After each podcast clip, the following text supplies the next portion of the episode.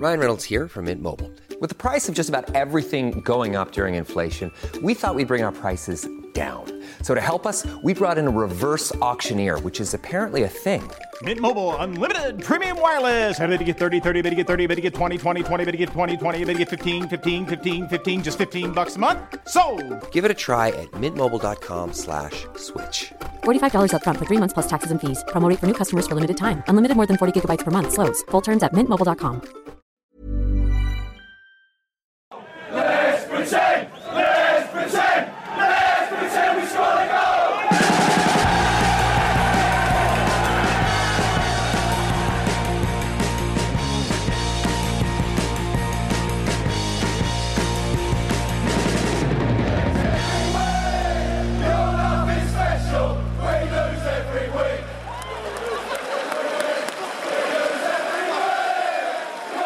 Folkbladets Premier League-podd efter en eh, fullsmetad fotbollshelg. Den andra omgången är nästan färdigspelad. Vi har en match kvar, den spelas ikväll.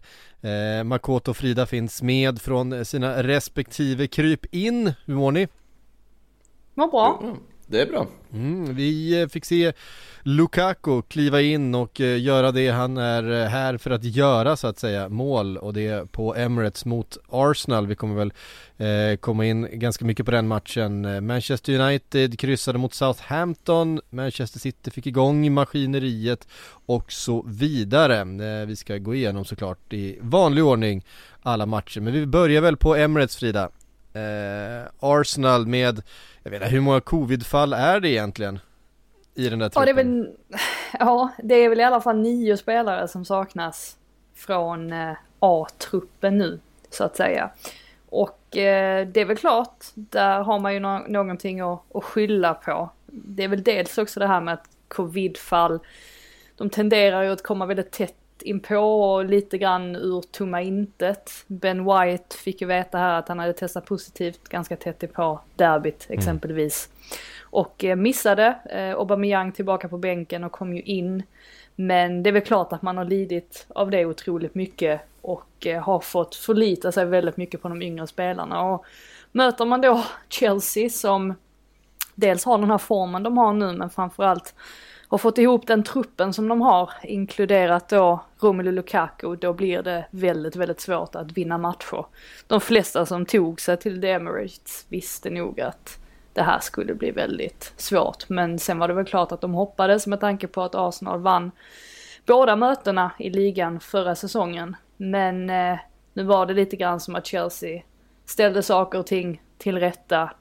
Lukaku ser ut att ha spelat i Chelsea under, eh, ja, under alla år egentligen sedan 2014. Eh, helt otroligt egentligen att han bara går in sådär rakt in i startelvan och blir en sån vital del. Väldigt tacksamt för honom givetvis att spela emellan Kai Havertz och Mason Mount och sen då dessutom med Reece James på högerkanten eller wingbacks positionen till höger som tryckte på. Men eh, ja, det var ju verkligen högst imponerande. Inte minst målet som är väldigt signifikativt för Lukaku hur han är så stark med ryggen mot mål. Eh, när han liksom droppar djupt och sen så vänder han sig om och rusar rakt ner mot målet och så står han där redo att skjuta in 1-0. Pablo Mari hade inte, han hade inte så mycket att säga till om i det fallet och inte under hela matchen heller så att, nej jag tyckte faktiskt att det var en, en styrkedemonstration på Chelsea. Båda målen kommer ur alltså systematiska anfall som tyder på också ju att Thomas Tuchel, precis som vi har vetat om egentligen, att han har ju fått till det här systemet och spelarna vet exakt var de ska vara och vad de ska göra, vilken passning som ska slås. Det är inte det här att man har en fungerande kant som är farlig utan i Chelseas fall så har man liksom Marcus Alonso nu för tillfället på, på vänsterkanten som som gör sitt för att ställa till oreda och sen så Reece James på högerkanten och man har bra spelare på centralt mittfält och så dessutom då med en frontlinje som, som är vad den är och, och spelar på bänken så att det, är- det är mycket som står rätt till i Chelsea och tittar man ett år tillbaka i tiden så är det ju faktiskt ganska otroligt att Chelsea har ju nästan tagit, om man så ett, två, till och med tre kliv framåt. Arsenal står ju kvar där de befann sig förra hösten. Och det är ju såklart oroväckande för Arsenals del. de, de måste börja få saker och ting att gå med dem. Men ja, nu ställs man mot, mot Man City nästa vecka. Så att det är ju, det kan ju vara så att de kommer stå på tre förluster efter tre omgångar och redan nu så är det ju den sämsta starten för klubben någonsin, vilket säger väldigt mycket. Det kan ju faktiskt eh, kanske vara, nu låter det ju eh, lite eh, sjukt att säga så, men eh, det är kanske är lika bra att få de här eh, covidfallen nu. Alltså matchen mot Chelsea och Manchester City, matcher man kan förlora även med, med fullt manskap. Det är klart man aldrig vill ha eh, en massa sjukdom eller skador i laget men eh, förhoppnings, förhoppningen är ju att efter eh, landslagsuppehållet så kan de här spelarna vara tillbaka så kanske man kan man få liksom en ny start då. Ehm, vi får se, de kanske, de kanske rycker upp sig redan mot Manchester City, jag vet inte men ehm, inte ens fullsatt på, på Emirates vad jag förstod.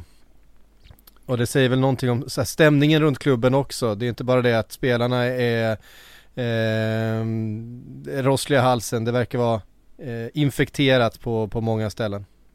Ja, det såg ju ganska fullsatt ut. Jag tror det var så att det fanns biljetter ute rätt så länge, alltså långt längre än vad det brukar vara inför ett sånt här derby. Mm. Eh, så att det är väl som du säger att det, det säger ganska mycket om den situationen som de befinner sig i just nu jag tycker ju fortfarande att de värvningarna de har gjort, nu har de ju faktiskt spenderat ganska mycket pengar. Och de värvningarna de har gjort är ju, alltså de är ju ändå vettiga sett till vad det är för ålder på spelarna de har plockat in. Alltså de, det visar ju att det finns ett långsiktigt tänk och det är förnuftigt och allt det här. Problemet är väl att det är inte riktigt spelare som går rakt in och, och gör ja men är tillräckligt för att få till en förändring om du förstår vad jag menar. Alltså mm. det är väl klart att Lokonga har ju varit, han har ju varit, ja men det stora ljuset nu de här två senaste matcherna. Jag tycker att han har varit bra. Mm. Men han var man bra, hade ju... Han var bra igår också. Mm. Ja, man behöver ju definitivt, det är inte riktigt som när Chelsea värvade förra säsongen och de tog in Timo Werner och Kai Havertz och de behövde inte ens vara bra inledningsvis eller de kunde få tid på sig att akklimatisera sig och det fanns andra spelare som, ja men, drev på tåget så länge. Arsenal har ju inte riktigt råd med det just nu, inte minst då eftersom att man saknar så många spelare på grund av olika anledningar och covid inte minst. Mm. Så att, nej, det är inte mycket som, det är inte mycket som går med dem helt enkelt. Det är ett konstigt läge de sitter i också här liksom. Jag vet, jag var inne på det förra, förra helgen också liksom efter den här Brentford-förlusten. Att det är ett jobbigt sitt de har satt sig i med den i och med att det är Chelsea och City.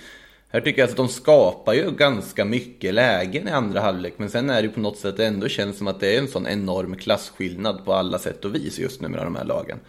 Och Arsenal, om de hade fått med sig tre poäng och haft något imponerande liksom att bygga på från från premiären så hade man kanske inte reagerat på samma vis och det inte varit samma domedagsrubriker av att förlora mot Chelsea sett i kvalitetsskillnaden som är på de här lagen just nu. Men, men i och med att läget är som det är så blir det ju på att hela säsongen börjar på moll. Och då, så jag håller väl inte riktigt med där du sa Psyke om att det kanske är bra timing på så sätt. Det känns som att man, det Arsenal behöver är ju en bra säsongstart. De behöver ha någon liksom en framåtanda och känna att ja, men det här kan gå. Sen kommer det såklart dippar under en säsong, men du vill inte ha den där dippen i början som vi på något sätt har vant oss vid att de har varje säsong. Nu. Och Arsenal, Arsenal börjar ju inte ens på noll, de börjar ju på minus 10. Mm. Alltså det är ju, det är ju den ja. känslan man går in med. De har, de har inget Europaspel för första gången sedan, vad är det, 95-96. Mm. Alltså de står ju redan på, ja, de, de har ju redan så otroligt mycket press på sig att de måste ta sig tillbaka dit där för att Europaspel det är ju avgörande för alltså dels ekonomiskt och dels också kring vilka spelare du ska kunna värva. Vi ser ju redan nu att de får kämpa väldigt mycket för att ja, få till sina värvningar och kan liksom inte plocka från den hyllan de är vana vid jämfört med då, ja men Chelsea inte minst som ja, liksom är Champions League-mästare och allt vad det innebär. Mm. Så det är ju, det är som två olika världar just nu mellan Arsenal och Chelsea och det är ganska häpnadsväckande att se för att de här klubbarna, det var inte så länge sedan de möttes i Europa League-finalen exempelvis. Och tänker man kunna se en i framtiden då, det hade varit väldigt intressant att se att ja, men Chelsea är på väg liksom, tillbaka till att dominera på riktigt. Arsenal har aldrig varit längre ifrån. Eh, Makoto, vad säger du om Lukakos eh, debut här för, eh, för Arsenal? Alltså, för Chelsea menar du antagligen, men... eh, man- då, då hade Arsenal. Arsenal har varit på väldigt rätt kurs ifall de har haft den debuten Lukaku egentligen. Nej, men eh, strålande det, på något sätt. Jag vet inte man hade några farhågor direkt att det inte skulle fungera. Min, min farhåga var väl att han skulle bli lite för statisk, lite för liksom icke utnyttjad. Men det fanns det ju inga spår av tycker jag här. Han var ju otroligt inblandad, otroligt inne i det, gör ju också målet. Det, det bådar ju ofantligt gott inför fortsättningen om vi säger så. Och eh, om man ska dra någon sorts fantasy-liknelse, det gäller ju att snabbt få in honom i sitt lag i alla fall. Det tror jag att de flesta tänker när man såg den insatsen och hur liksom självklar han kändes där framme. Och liksom inkörd med alltihopa också. Och det är ju som sagt, vi har ju pratat om det förut, nian är ju någonting, den där liksom självklara målskytten där framme, något de har saknat för att Timo Werner inte har lyckats vara det. Lukaku är det. Och Chelsea är ju i högsta grad en titelkandidat i år. Och det, det är ju ingen, liksom, inget nytt som sägs här heller. Men de, jag tycker de bevisar det också i den inledningen av den här säsongen. Man ser ju också på, på truppen här att, alltså nu är det ju, det är ju egentligen fortfarande striker där de inte har något riktigt djup. Det är ju vad händer om Romelu Lukaku skadas? Ja men då är det ju ingen riktig backup till honom på det sättet. Då får man ju tänka om lite med Timo Werner som en helt annan typ av, typ av anfallare. I övrigt så har de ju verkligen dubbla uppsättningar på varje position och det är ju det som gör att men man blir ju, nu är det så himla tidigt in på säsongen, men jag har ju tippat Chelsea som titelvinnare och det är väldigt mycket på grund av det. att De har en väldig bredd samtidigt som det är spelare som man ändå kan tänka sig acceptera att sitta på bänken då och då. För det är ju kanske det svåraste när man ska försöka ha en så pass bred trupp och så ska man se till att hålla alla nöjda också. Guardiola har ju inte lyckats fullt ut i City. Där har man ju ändå hört rykten om att det är spelare som inte är speciellt glada över situationen, som Bernardo Silva exempelvis. Och det är ju därför han ryktas till, till alla de här olika klubbarna. Så det är ju, det, det krävs en del finess för att hålla alla nöjda. Ja, alltså det är ju bara att titta på. Vi pratar ju ofta om Citys bänk, att de har så otroligt mycket eh, fantastiska spelare på bänken i varje match. Men titta på Chelseas bänk här. De har alltså Kepa, Thiago Silva, Kurt Zuma, Ben Chilwell, eh, Kanté, Chaloba, Hakim Ziyech, Timo Werner och Callum Hudson-Odoi på bänken i den här matchen. Eh, det är ju spelare som hade kunnat gå in i den här startelvan eh, och det hade inte blivit någon nämnvärd försämring egentligen någonstans. Eh, ja, det Alltså, kanske kan- är då Ti- Tim, Timo Werner istället för Lukaku som man kan tänka sig men det är en, en otrolig Ja, det är ju där de bänk. saknar. Det är ju där de saknar dubbla, dubbla uppsättningar spelare. Det är därför Lukaku kommer att bli väldigt viktig. Men det var lite grann som att se den sista pusselbiten falla på plats. Jag tror det kommer krävas väldigt mycket för att fälla Chelsea. Om inte något alltså, oförutsägbart händer, alltså att de börjar få lite skador och sånt. Det är väl klart att man kan komma in i en, i en dålig trend då. Men i övrigt så, deras försvar ser så ruckigt stabilt ut också att det krävs ganska mycket för att göra mål på dem. Och de är ändå fortfarande att titta på förstärkningar innan deadline. Att det är fortfarande Schultz Kondé det pratas om att de vill ändå förstärka upp det här försvaret. Det säger också en del om hur de, hur de också liksom letar letar efter att verkligen alla pusselbitar ska finnas där för att liksom bara kunna dominera i år. Att man fortfarande känner att det här försvaret behöver någon förbättring. Ja, det säger det mesta om liksom ambitionsnivån. Ja det får man säga. Eh, lite tidigare på söndagen, Southampton Manchester United. Eh, United som imponerade stort och mot, Leicester, eller mot Leeds i eh, första omgången. Åkte på patrull mot eh, fiaskotippade Southampton som verkligen ryckte upp sig och visade att eh, det finns fortfarande både, både inställning och fotbollsspelare kvar i det här laget. Eh, väldigt underhållande match eh, tyckte Ja. jag.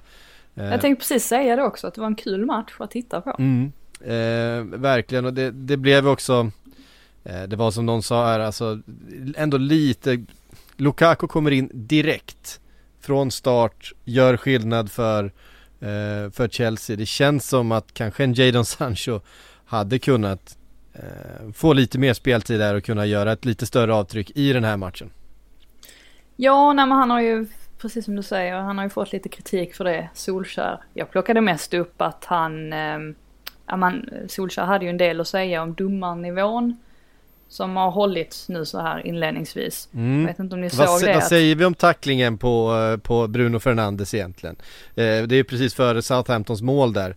Eh, så eh, Bruno Fernandes står och, och, och står och sover lite grann med bollen får man säga och så kommer eh, vem är det? Det är mittbacken va? Jack, Eh, Jack, Jack Stevens. Stevens, eh, som kliver dit och, och stjäl bollen av honom och ger honom en liten tryckare men vad säger ni? Ska, I det, en, vara, ska det vara I en frispark? brittisk domarbok så tycker jag att det inte är frispark. Jag tycker han tar bollen klockrent. Sen kan man ju diskutera hur han, hur han går in i situationen. Men det är väldigt tydligt att det är bollen han är ute efter. Även om man använder kropp i situationen liksom. Tycker jag.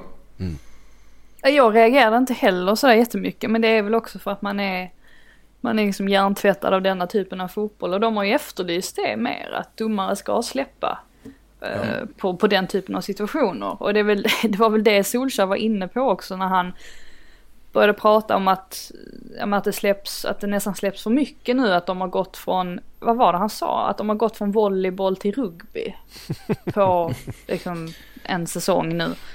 Och han liksom pratade om att, att han gillar det här förmildrande sättet att spela fotboll på eller att släppa vissa situ- situationer på men att, att det är mer herrfotboll. Vi ska nog inte gå för djupt in på vad han menar med det.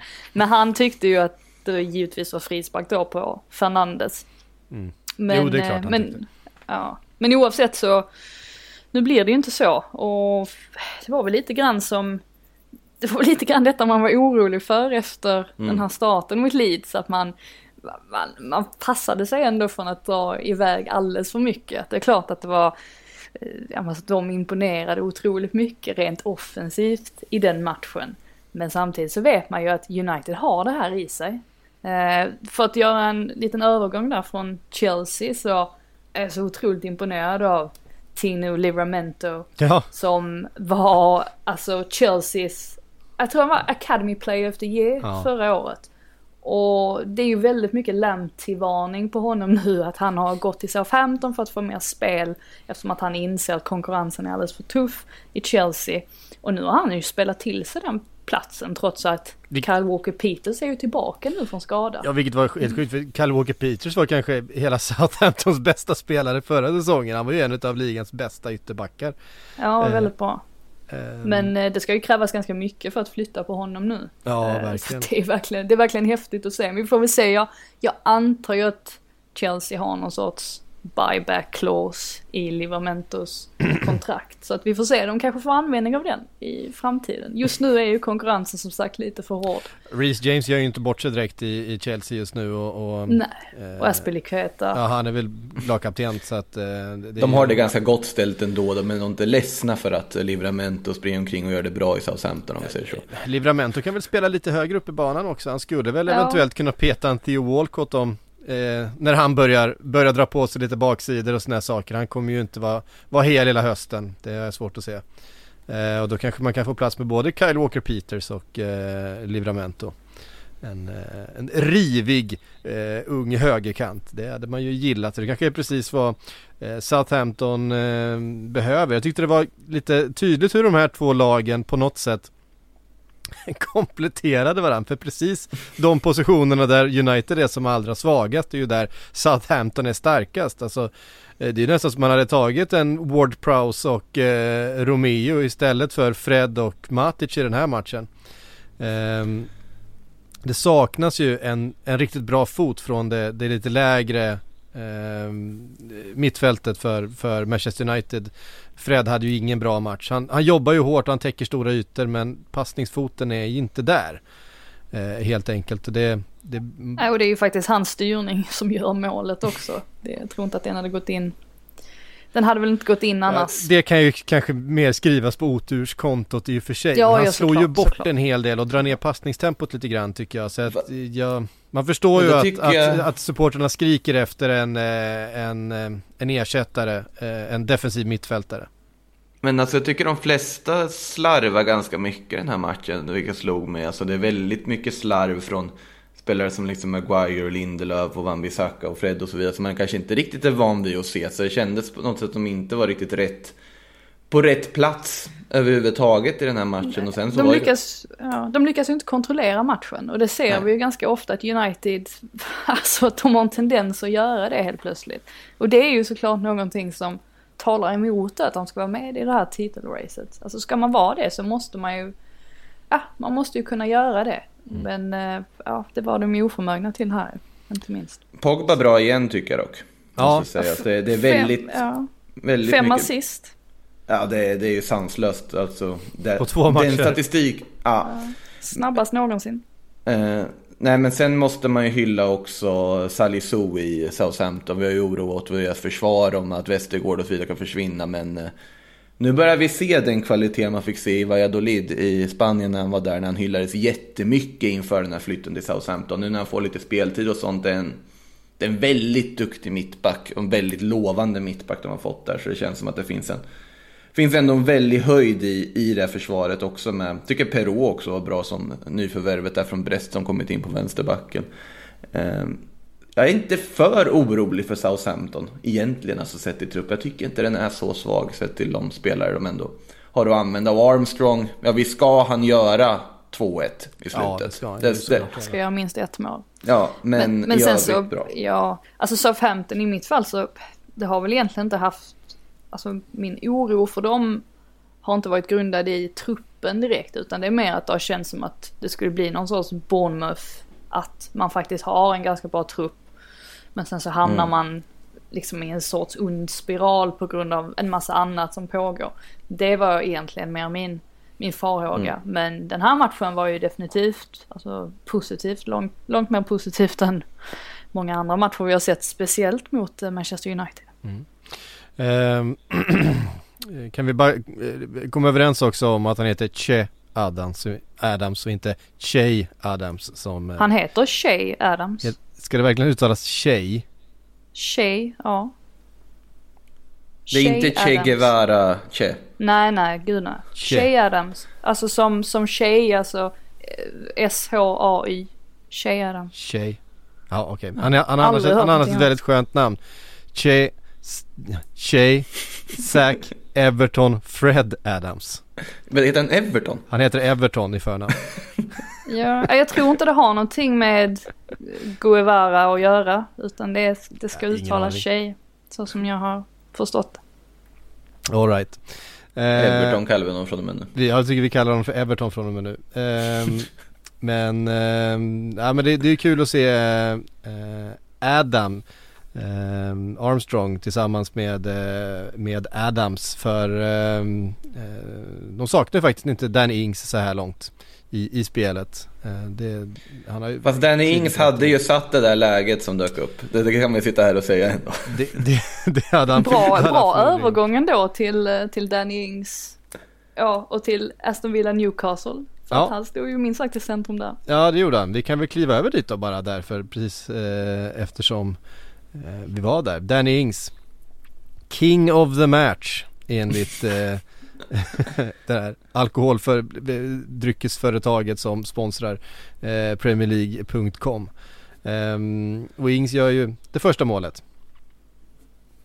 Ja, det var ingen dålig bicykleta om man säger så. Den satt där den skulle och det var ju precis det här Aston Villa ville när de gjorde, eller när de värvade honom. De ville ju ha någon som avlastade Ollie Watkins som stod för väldigt mycket förra säsongen och nu känns det som att Danny Ings, han har, han har hittat hem ordentligt här. Så jag tror att han kommer att bli jätteviktig för Villa. Och vi visste ju redan att han var en gedigen målskytt. Så att, att han börjar visa det redan nu, är det båda det bådar verkligen gott, eller det är i alla fall lovande för Villas del. Eh, inte lika lovande här för Newcastle, men eh, ja. Eh, En annan grej också med Villa är ju att Bundia gör en bättre match nu. Det var i alla fall ett fall framåt för honom sett till prestationen. Han försvann lite i andra halvlek men var överlag bra. Och det är ju också viktigt för dem att de får lite utdelning här nu från värvningarna de har gjort när de nu har tappat Jack Grealish. Men hur, hur blir det när Watkins är frisk igen? Även om du nämner det som avlastning känns det som att båda de spelarna är för bra för att sitta på en bänk. Alltså jag tror att vi möjligtvis kan få se ett tvåmannaanfall. Det borde väl vara så? Med Ja, Buendia också bakom. Ja, Dean Smith är ju inte, han är inte främmande för, för en sån grej, även om det kanske inte är det vanligaste spelsättet i Premier League idag. Men jag hade ju i alla fall definitivt spelat med både Watkins och, och uh, Danny Ings. De är ju lite olika typer av spelare mm. också. Watkins är ju mer egentligen den som är, är involverad i alltså så mycket annat, framförallt försvarsspelet. Han är ju väldigt skicklig på det, på att droppa djupt och eh, täcka ytor framförallt, pressspelet, sådana saker. Så jag tror att de hade kompletterat varandra ganska bra faktiskt. Mm. Ja, inte alls omöjligt och eh, viktigt då för Aston Villa att eh, studsa tillbaks efter den eh, lite svagare inledningen på, på säsongen eh, förra helgen. Vad va, va, va tyckte vi om Emi Martinez eh, utrustning där när han golvar Callum Wilson. Det var lite, ja, det var, ing, det var ingen helt rumsren situation om man säger så. Den var argentinsk. ja, ja. Eh, jag minns inte vad det blev i... Ja men alltså, det blev ju gult kort eftersom att det var offside. Annars ah, hade det ju blivit straff och antagligen rött kort. Just det, det är så. Det är också konstigt att det blir gult kort för att det är offside. Då borde det bli ingenting för att det är offside.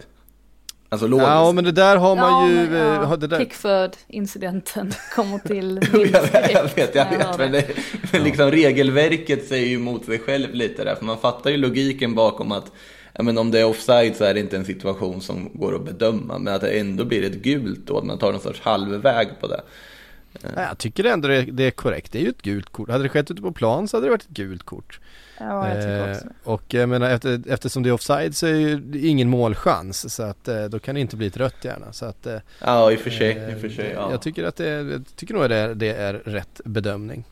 Det är sant, jag, jag kryper tillbaka. Till eh, Wolverhampton, Tottenham 0-1. Dele Alli eh, i målprotokollet igen efter, eh, det var ganska länge sedan han eh, gjorde mål för Tottenham. Vad, vad har hänt med honom? Han har ju blivit något helt annat här nu. Han alltså, har, han har förutom fått, han, han, han har fått chans, han har fått spela. Det är det. förutom, men, han var inte sådär jättebra i premiären egentligen.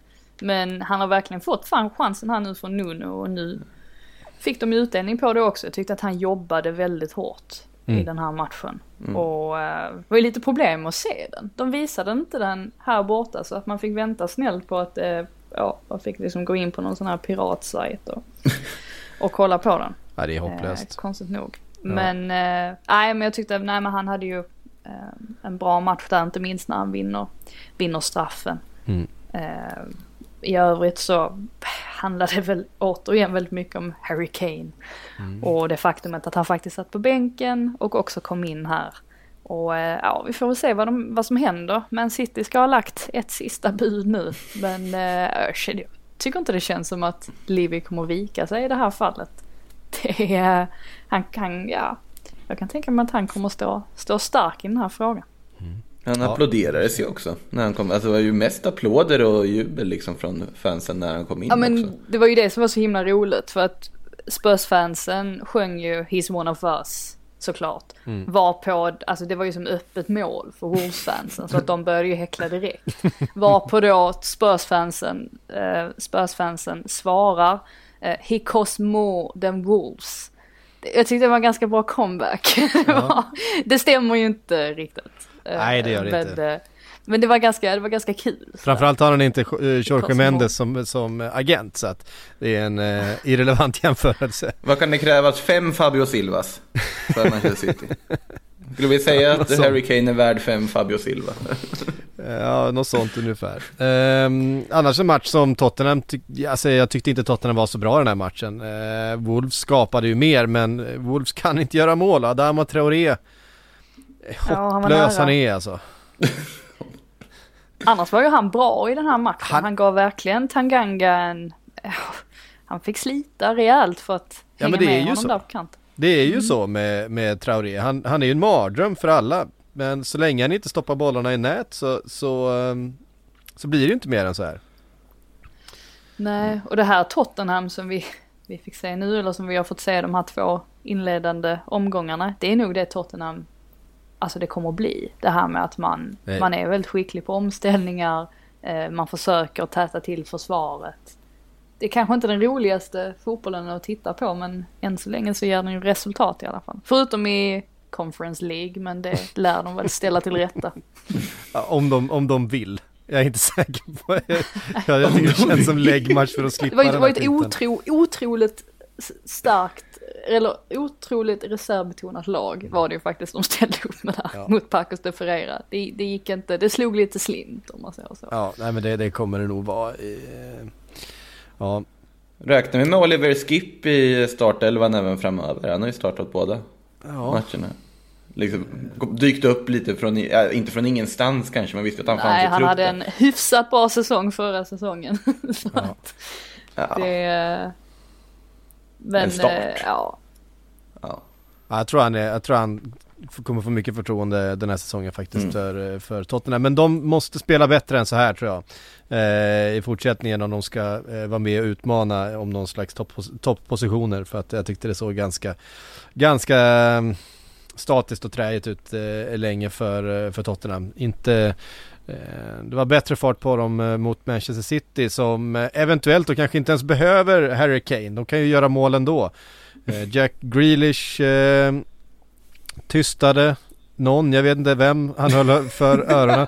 Han, han stoppade fingrarna i öronen för att slippa höra alla hyllningar som han har fått senaste året. Det, han får ju inget annat än hyllningar. Så han då gör eh, sitt debutmål för Manchester City, då stoppar han fingrarna i öronen för att mm, Är inte det intressant att det fungerar som bränsle för så otroligt många fotbollsspelare? Att de inbillar sig att de har jättemycket kritiker som de måste liksom tysta. Det är ju oftast inte så. Han har ju Men, fan inga ja. kritiker.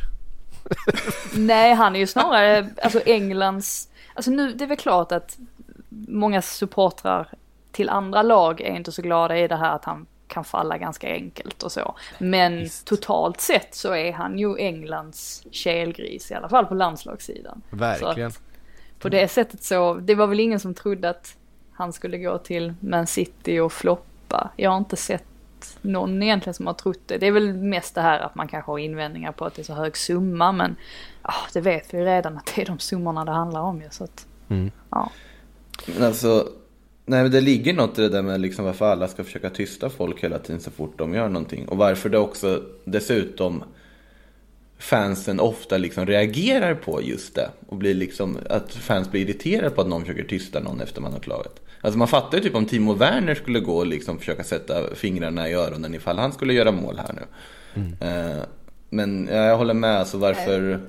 Hel- Grealish helgens, är- bästa, helgens bästa var ändå Dominic Calvert-Lewin.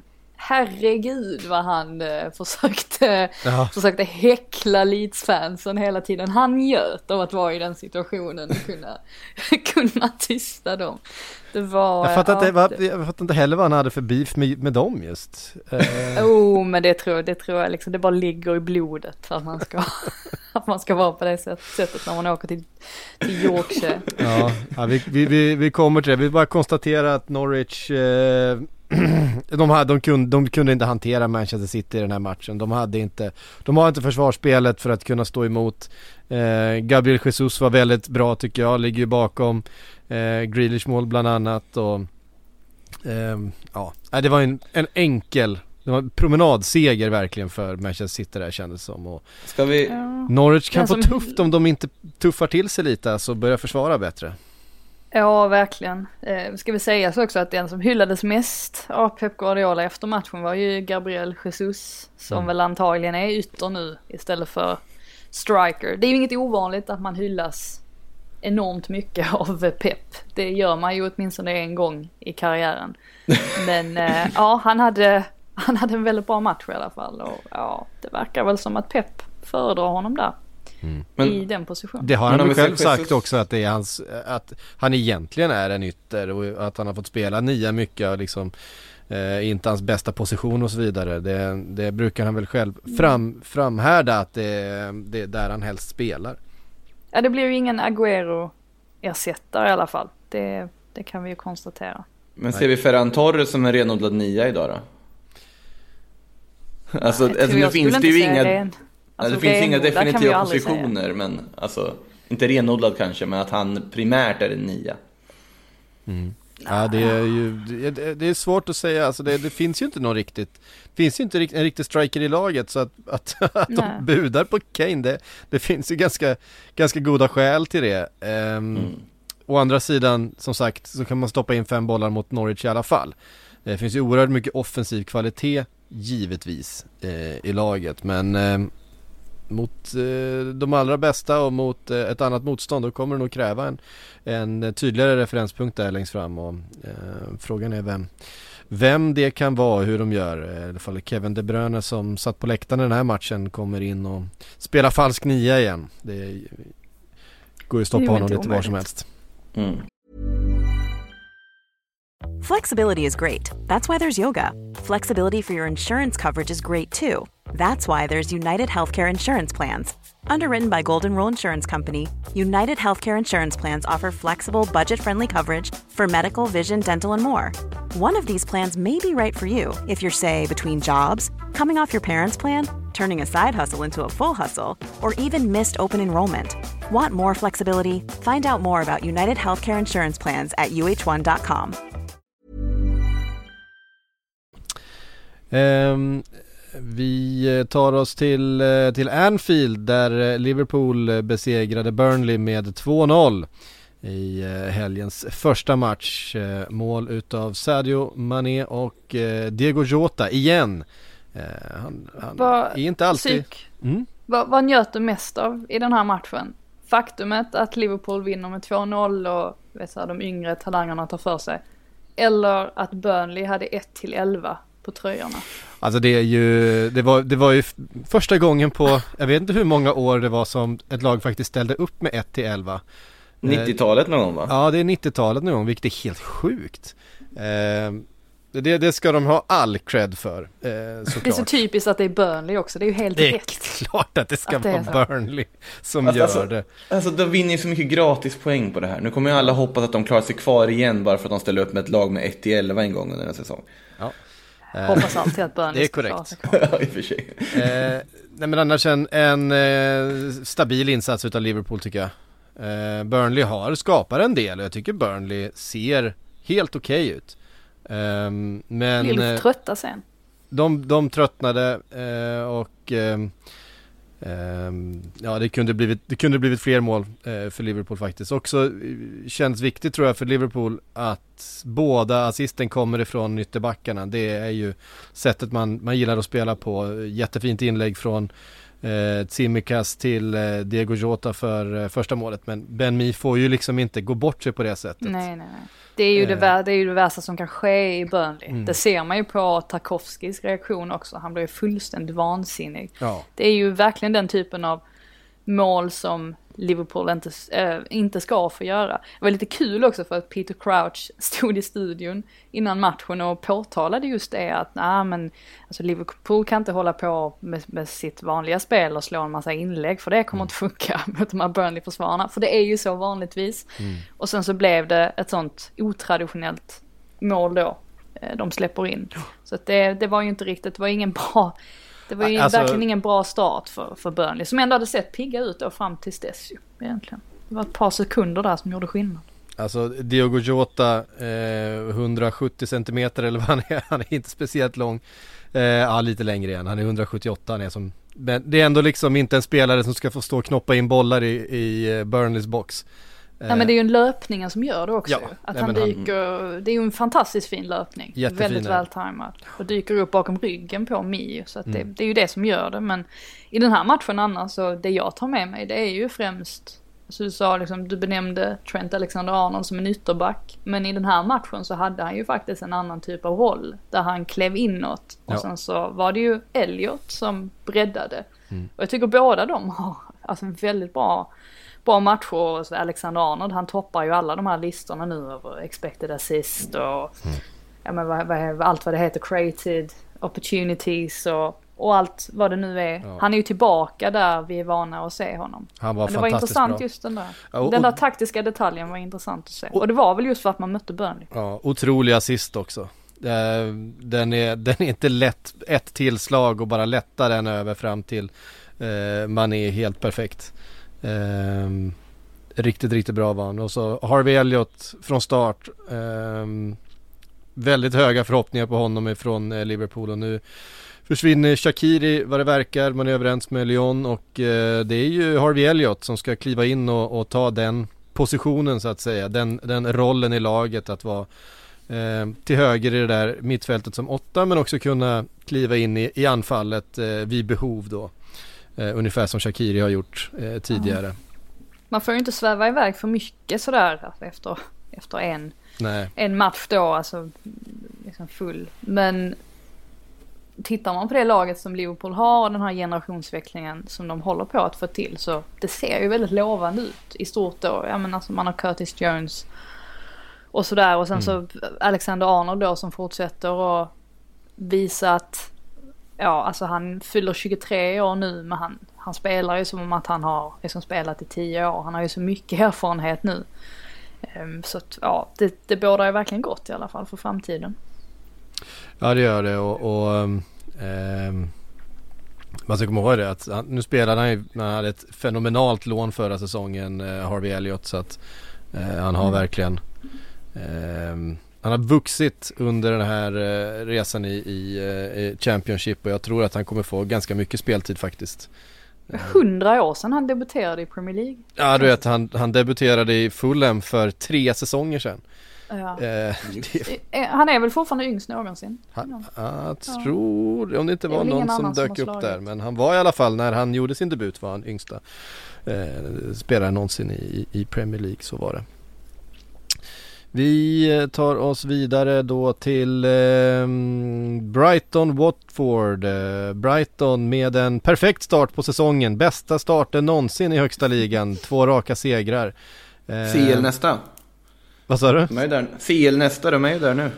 De är där nu och alltså skulle man gå då på, på statistiken från förra säsongen, expected goals och så vidare, expected points och allt sånt där som räknas ut med algoritmer, då skulle ju Brighton ha slutat en eh, femma, sexa någonting. Eh, det gjorde man inte eftersom man hade så förbaskat svårt att göra mål. Nu eh, stänker man dit dem. Shane Duffy och Neil Maupay, hör och häpna, eh, gjorde ett riktigt fint mål. Ty tycker båda de målskyttarna är, hade någon sagt det förra säsongen så, ja, Shane Duffy framförallt. Ja. Att han har liksom kommit in nu och, och blivit, jag tycker att han är stabil. Alltså han, nu tar ju han alltså centerpositionen på, um, alltså bland mittbackarna och det är väl klart att det blir ju lite annorlunda för både Webster och och Dunk, men han har gjort det så bra som man, alltså, ja, man kan kräva av honom egentligen med tanke på vilken usel säsong han hade förra året. Och det är ju verkligen en, alltså det är definitionen av en kraftfull nick som man nickar in där till 1-0. Ja. Det, det var ju högst, eh, ja det var högst, högst imponerande om man säger så. Um, och sen tycker jag framförallt också att alltså Bizuma var fantastisk i den här matchen. Alltså han styrde och ställde, mm.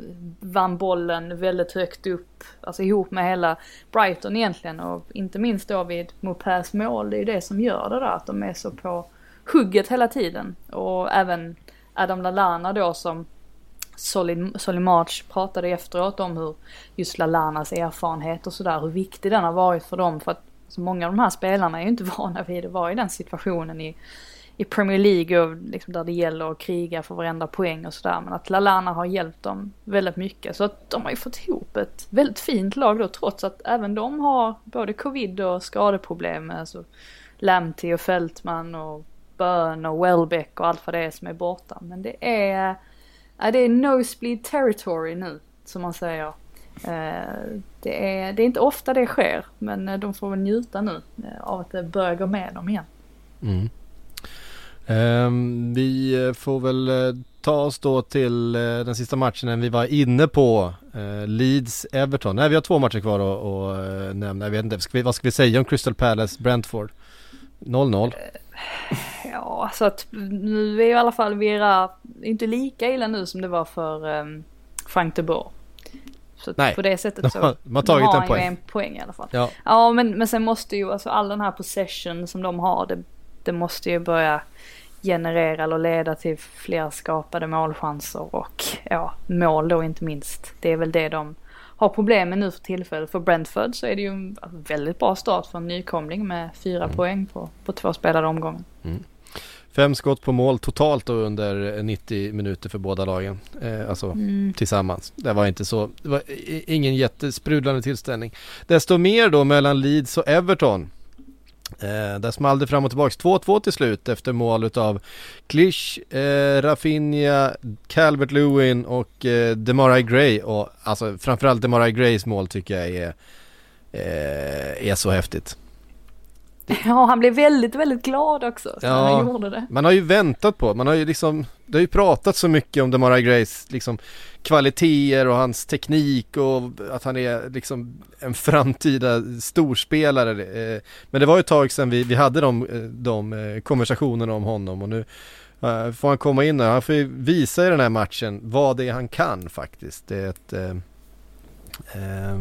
fin match och ett, och ett riktigt, riktigt fint mål.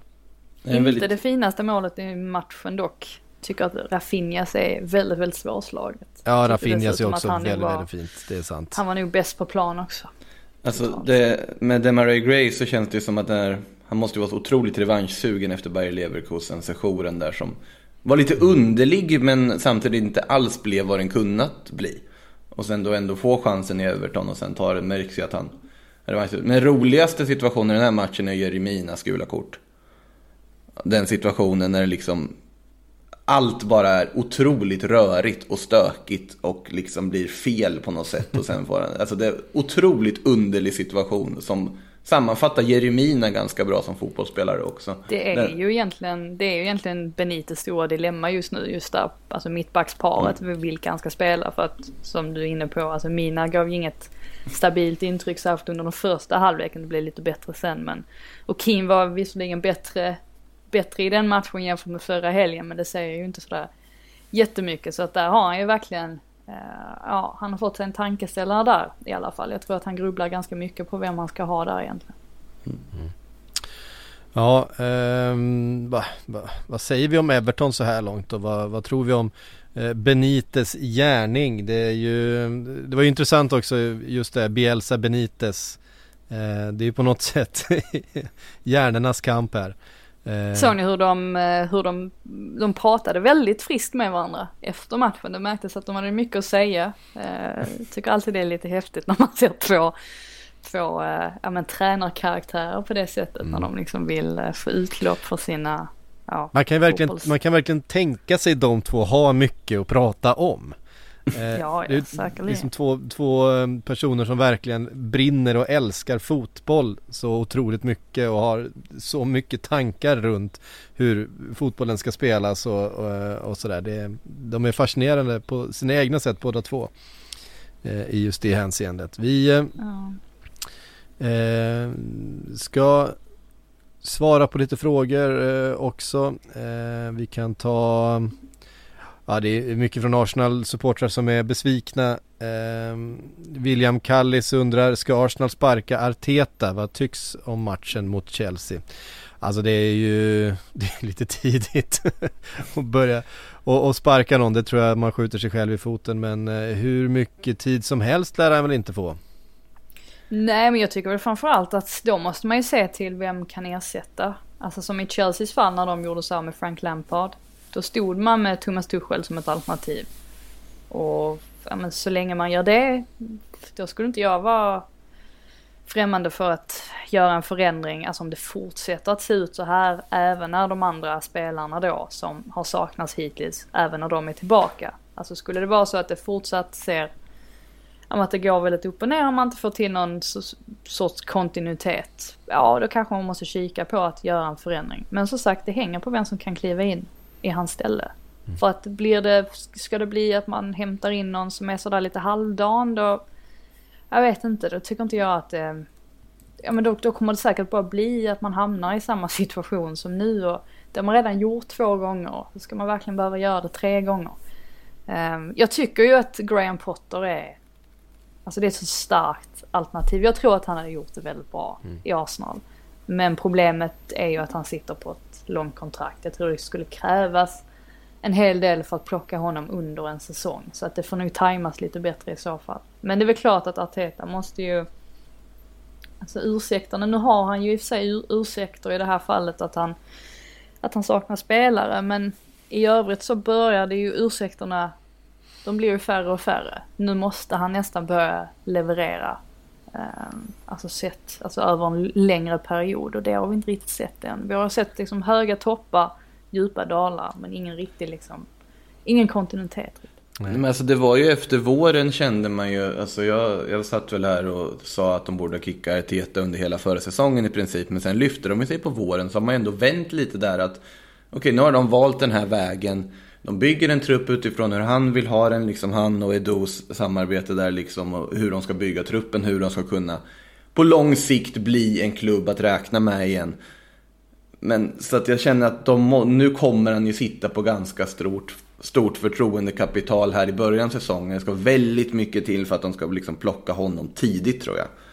Eh, och som du sa Frida, det finns ju inte några solklara ersättare på marknaden. Så att det, är ju liksom, det finns ju ingen att plocka in istället. Så att det är ju ett, det är en jobbig sits på så sätt, men de har ju valt väg med Arteta och då får de ju hålla den ett tag i alla fall. Ja, man, man vill ju inte att det ska bli som en Nuno-situation där man går igenom så här 50-11 kandidater innan man bestämmer sig för någon. Jag vet inte, mm. det känns ju inte riktigt bra om det sker mitt under en säsong. Alltså när Emery sparkades också, då, då tog det ju det tog ganska lång tid ändå mm. innan Anteta presenterades. Jag vet inte, jag tycker ändå att man bör vilja undvika en sån sak. Tuchel var ju på plats i London, vad tog det? 48 timmar innan han var här. Eh, det, det är ju det, jag tror definitivt att det är bättre. Ja, och jag menar, man kan inte sparka en tränare efter, man ska komma ihåg att Arsenal gjorde en jättefin vår. Um, och nu har de spelat två matcher varav en mot, mot Chelsea och man spelar två matcher med enormt många spelare borta på grund av covid. Eh, och sådär så att man får ändå ge de måste ge dem chansen, eh, känner jag. Det är alldeles för tidigt att börja prata om så. Det finns fortfarande det finns fortfarande hopp för Arsenal ändå, även om de eh, är, är, långt ifrån eh, de där topplaceringarna som de eh, såklart eh, siktar på. Mycket frågor om domarnivån. Eh, Stechen tror jag det ska uttalas eller något sånt på Twitter skriver Premier League vill göra de så kallade vill göra så det ska bli tuffare spel och svårare att få frispark och straffar. Det syns verkligen i spelet och vi var inne på det hur Ole Gunnar kommenterade det. Vi har gått från volleyboll till rugby. Jürgen Klopp var inne på det också. Han tyckte att mm. eh, Burnley spelade, vilket Burnley alltid gör, eh, spelade hårt och, och, och över gränsen. Men hörde du det också som Klopp sa, som jag tyckte var väldigt intressant om den här situationen i matchen mellan Brentford och Arsenal när Pontus Jansson blockar mm. Leno. Uh, han ställde ju frågan till journalisterna vad de tyckte och givetvis så var det ju, det var ju liksom engelska journalister så det var klart att de inte skulle sitta där och säga att, att de tyckte att det var um, ja, de tyckte ju inte att, att det skulle ha blivit bortdömt målet. Mm. Men Klopp, han lutade ju mot att det skulle bli bortdömt. Han sa att liksom, vi som spelar tycker att det skulle ha varit det. Men nu vill ni ha en tuffare fotboll här så att då, då blir det så här. Mm. Ja men lite i, i den stilen. Det var bara intressant att höra honom prata om den situationen. Mm. Och det, det, är ju så att eh, direktiven är att det ska tillåtas lite mer. Vi såg det under EM också. Det tilläts eh, eh ganska mycket mm. mer i, i, många matcher. Eh, och... Då, ja, dock så gillar inte, jag gillar inte de situationerna där man medvetet blockar Nej, jag gillar, det gillar inte jag, jag heller. Jag förstår inte riktigt vad, det är inte, det är inte riktigt fotboll för mig. Alltså inte om man går in så... Um, nej, men alltså på det sättet. Man har liksom ingen koll på var bollen är. Nej. Utan man går bara in för att blocka av en spelare. Jag, jag gillar inte men det. Nej, jag håller med ju... om att det borde dömts bort. Eh, det tycker jag också. Men det är ju det där att liksom tuffare fotboll. Det, det, det kan jag absolut, det finns ju underhållningsvärde i det och jag fattar varför man gör den ändringen. Men grunden måste ju vara att du alltid vill på något sätt nå en boll. Du måste alltid ha en tanke med att du vill vinna en boll eller vinna en situation på så sätt. Och det är ju där, den gränsdragningen som måste göras bättre. Att det inte får bli, ja vi tillåter bara tuffare spel. Det ska vara tuffare spel fast med en tanke i det. Ja, och frågan är som kommer är hur blir det när man spelar Champions League? Eh, blir det andra direktiv där? Ehm, jag vet inte hur, ehm, alltså UEFA, UEFA-direktiven under EM var ju att det skulle eh, to tolereras lite högre nivå plus att eh, VAR då inte skulle kliva in och, och eh, så att säga överrösta domaren. Eh, om det inte var alldeles, alldeles, alldeles uppenbart. Um, vi får väl se här hur uh, Uefa-direktiven blir till, uh, till Champions League Men förmodligen kommer det blåsas lite mer än vad det gör i Premier League just nu. Det är alltid svårt det där med nivåer. Men sen vet vi ju också att de, de kan ju ha ett möte nu i veckan och bestämma sig för någonting annat. Det är ju, det är ju därför mm. tränare går ut och sätter press också på dem på det här sättet. Det är ju för att de vet om att de kan, de kan göra en U-sväng helt plötsligt. Och det är ju bra, alltså det är ju rätt så bra egentligen att de är öppna för den diskussionen. Ehm, så det är väl inte omöjligt att det, det kommer att bli så om det fortsätter så här och det, ja men alltså många av de större tränarna kliver fram och kritiserar det. Och det är ju den här, alltså det Solskjaer tog upp också och det måste man ju förstås köpa. Det är ju att skaderisken blir mycket högre. Och det är ju någonting man givetvis vill undvika. Mm. Är, man vill inte sitta och uppmuntra att, att fler spelare ska åka på svåra skador såklart. Så att där, där har han ju en poäng. Ja, eh, verkligen. Eh, El Jocko undrar eh, hur uppenbart är det att Spurs saknar en kompetent tia? Eh, och ja, det gör man ju. En, eh, en fin spelfördelare hade ju inte eh, gjort ont i det laget. Jag tycker det finns mycket, mycket annat. Eh, framförallt när Harry Kane, men på många sätt förra säsongen var det ju Harry Kane som spelade tia och gjorde det väldigt bra. Eh, mm vann ju assistligan men var ju också eh, liksom navet i hela, hela anfallsspelet. Om han nu blir kvar så kommer han väl få ta en liknande roll då under eh, Nuno kan man tänka sig att droppa lite djupare och vara mer en del utav uppbyggnaden utav, eh, utav anfallsspelet för Tottenham annars så eh, som sagt det såg inte så eh, inte så eh, flytande ut och inte så automatiskt ut i anfallsspelet eh, som det kanske gjort tidigare för, eh, för Tottenham kan jag tycka. Nej men alltså om man tittar på deras mittfält det är ju liksom när Dele Alli har en mer liksom bollvinnande lägre roll mm. och det spelar på det sättet du gör. Jag tror inte, jag tror inte riktigt det finns plats för en tia, alltså en renodlad tia i något system överhuvudtaget. Så det är nog mer som du säger att det är ju Kane Mm. När han spelar som kommer ha en väldigt viktig offensiv roll på så sätt. För att resten där framme är ju mer liksom djupledsgående, tekniskt skickliga spelare som liksom gör sin gubbe snarare än att dra en djupledspassning. Mm. Så att, eh, men jag tror inte det finns plats för det riktigt. Jag tror inte att det är liksom ett behov på så sätt för de spelar ju inte med en sån renodlad position. Nej framförallt alltså, eh, droppar man då ner Dele Alli och, och, att han ska spela lite mer tvåvägs och bollvinnande då är det ju liksom Höjbjerg är ju verkligen ingen, ingen tia, Oliver Skip är heller ingen ingen eh, playmaker på det sättet. Eh, då är det ju liksom kanske Dele Alli som ska göra det men mm. det är mm. inte, inte den rollen han har här heller. Um, så det är ju ett ganska, det är liksom ett hårt arbetande eh, mittfält mer än någonting annat. Lite Elfsborgs eh, mittfält över det. Ja, men jag, alltså jag, jag kommer alltid med Liverpool-referens, men jag tycker det påminner lite grann faktiskt om, om när Jürgen Klopp under Um, han har väl egentligen aldrig spelat med en riktig tia i sitt, uh, det blir ju inte riktigt det i en, i en 4-3-3 så. Um, Firmino men, är väl väldigt mycket, alltså han är väl, alltså, han är för, också en sån som droppar ner ju. Ja, mm. exakt. Uh, utan han har ju alltid valt liksom ett hårt arbetande mittfält före eh, väldigt bollskickliga. Nu är det lite skillnad då när man har fått in Thiago och så vidare och Naby Keita skulle väl också kanske ha en annan men ofta under de första åren när han ställde upp liksom med det var James Milner, Jordan Henderson och, och Wijnaldum. Det var ju liksom löpmeter över mm. passningstrianglar om man säger så. Och så fick kreativiteten finnas på andra ställen, på ytterbackarna och i, i fronttrion och sen hos Firmino och så vidare. Men just mittfältstrian skulle vara eh, enormt mycket bollvinnande, eh, enormt löpstarka och aldrig liksom eh, eh, missa i pressen och så vidare. Och det känns som att eh, Nuno har ungefär samma tanke med hur han eh, ställer upp sitt mittfält och det är inte, det är inte eh, automatiskt fel men eh, och om Harry Kane kan komma in där och komma tillbaks i en, en liknande roll som han hade förra säsongen då, då kan det bli riktigt bra men och sen blir det ju spännande att se också vad som sker med en Dombele. Han är ju, mm. han är ju mm. mer än åtta. Men eh, ja, alltså där sitter man ju lite grann då och undrar vad Nuno ska komma fram till för beslut. För hittills, precis som vi har pratat om i tidigare poddar, så har samtliga tränare haft jättesvårt att få in honom i, mm. i ett fungerande system. Men vi vet ju också vilka kvaliteter han besitter.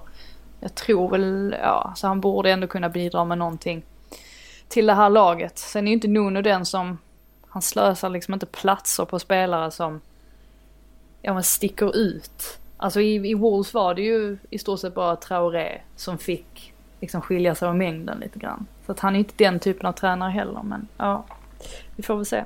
Men alltså det här kanske är sorgligt att säga men är det inte så att den liksom renodlade tian, den här playmake, offensiva centrala playmakern är en position som håller på att dö ut? Alltså det är ju fler och fler lag som, där det inte finns plats. Det är alltid så att man pratar om att det inte finns en liksom, klar plats för en tia i system i olika lag. Vi ser att det ofta är renodlade tior som har problem att hitta klubbar. Jag tänker på typ nu Coutinho utgår väl till på en kant också, men liksom att just mm. den typen av spelare har ofta väldigt svårt att hitta nya klubbadresser, i alla fall på den absolut högsta nivån. Tänker på liksom problemen Real Madrid hade att göra sig av med James Rodriguez och hur han inte har någon plats och inte ens visste att de mötte Leeds nu, eh, Everton. Det var ju en ganska rolig intervju för övrigt när han inte hade koll på att vi spelar borta va? Visst är det, ja, visste, visste inte att vi skulle möta Leeds. Eh, så långt utanför startelvan är han. Och eh, Ja, eller till exempel Isco som har aldrig blivit av med i Madrid om man drar en sån parallell också. Men just mm. den positionen känns som en position som är väldigt svår. Eller blivit svårare för spelare att liksom hitta rätt adress för att det är så få som använder den positionen i dagens fotboll. Men det hänger väl ihop också med att Ja men till exempel strikers är inte lika vanligt längre att spela med. Alltså att man börjar se fler och fler mm. lag som spelar med falska nior. Så det, det är ganska naturligt. I Tottenhams fall så är det ju nästan så att jag Liksom, hade jag varit dem hade jag kanske mer kollat på en defensiv mittfältare egentligen. Alltså att det kanske är där de har större behov. Men ja. Mm. Mm. Ja mycket hänger ju på Kane eh, i det här fallet när det gäller ja, Tottenham. Det är allt, är det. allt, allt hänger på Kane. Eh, så är det faktiskt. Eh, hörde ni, det var allt som vi hann eh, den här måndagen. Eh, missa inte matchen ikväll då. Den mellan West Ham och Leicester. Den är ju eh, enormt spännande. Vi kan ju faktiskt få ett, ett sjätte, eller vad blir det? Ett femte lag med full poäng. Vi har ju fem lag utan poäng så här långt efter två eh, omgångar. Um, om det inte blir kryss i den matchen så kommer vi ha fem lag även på full poäng då efter två omgångar. Uh, men med det sagt så säger vi på återhörande från Sportbladets Premier League-podd och uh, ja, tack till er som har lyssnat. Vi hörs! Du har lyssnat på en podcast från Aftonbladet. Ansvarig utgivare är Lena K Samuelsson. Every year one thing is always predictable. Postage costs go up. Stamps.com gives you crazy discounts of up to 89% off USPS and UPS services, so your business will barely notice the change. Stamps.com has been indispensable for over 1 million businesses just like yours. It's like your own personal post office. No lines, no traffic, no waiting. Sign up with promo code PROGRAM for a four week trial plus free postage and a free digital scale. No long term commitments or contracts. That's Stamps.com code PROGRAM um.